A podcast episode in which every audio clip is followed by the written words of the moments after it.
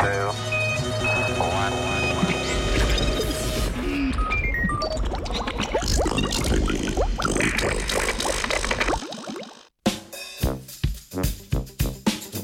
Razvoj materialov vse bolj podobnih koži. Ob posnetkih vse bolj realističnih robotov se marsikdo nekoliko zdrzne. Razprave o tem, kakšno vlogo imajo in bodo imeli roboti v človeškem vsakdanjem življenju, so vse bolj pogoste. A veliko je tudi takih ljudi, ki so nad prihodom nam, nam podobnih robotov nadse navdušeni. Med njimi so zagotovo tudi raziskovalke in raziskovalci, ki si prizadevajo ustvariti polimerne materijale podobne koži.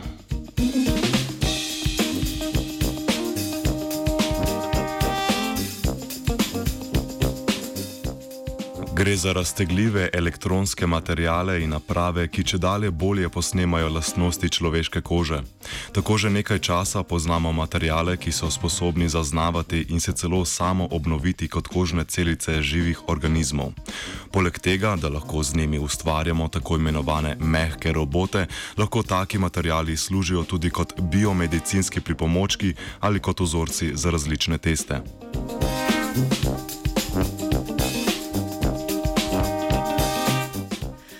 Morda najbolj zapleten izziv pri ustvarjanju umetne kože je prav posnemanje visoke stopnje občutljivosti človeške kože na zunanje, torej mehanske dražljaje.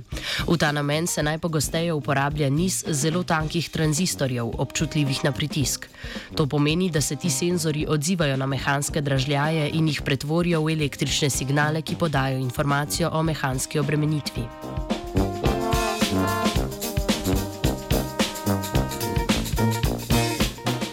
To še ni dovolj! Zato, da bi bila sintetična koža res podobna človeški, mora imeti tudi dovoljšno mero raztegljivosti. S tem vidikom se je ukvarjala korejsko-ameriška raziskovalna skupina, ki je pred kratkim svojo raziskavo objavila v reviji Science Advances.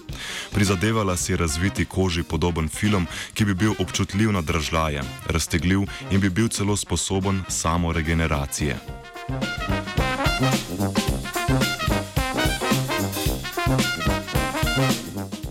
Za doseganje vseh teh lastnosti je morala raziskovalna skupina najprej razviti dve zapleteni komponenti, ki združeni služita kot ključna sestavna dela umetne kože. To sta polimerni polprevodnik in izolacijski elastomer, ki imata ključne raztezne lastnosti. Polprevodni film so torej oblikovali tako, da so mešanico polimernega polprevodnika in izolacijskega elastomera kombinirali s prav tako raztegljivim nizom tranzistorjev.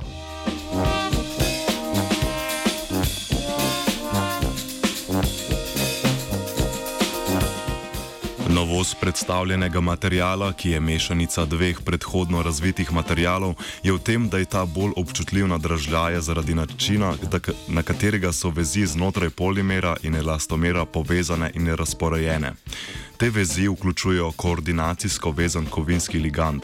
Takemu mestu znotraj polimera rečemo dinamično vezavno mesto, saj se vez, ko se enkrat pretrga, lahko samostojno ponovno tvori. To daje materialu, poleg elastičnosti, tudi lastnost samoregeneracije.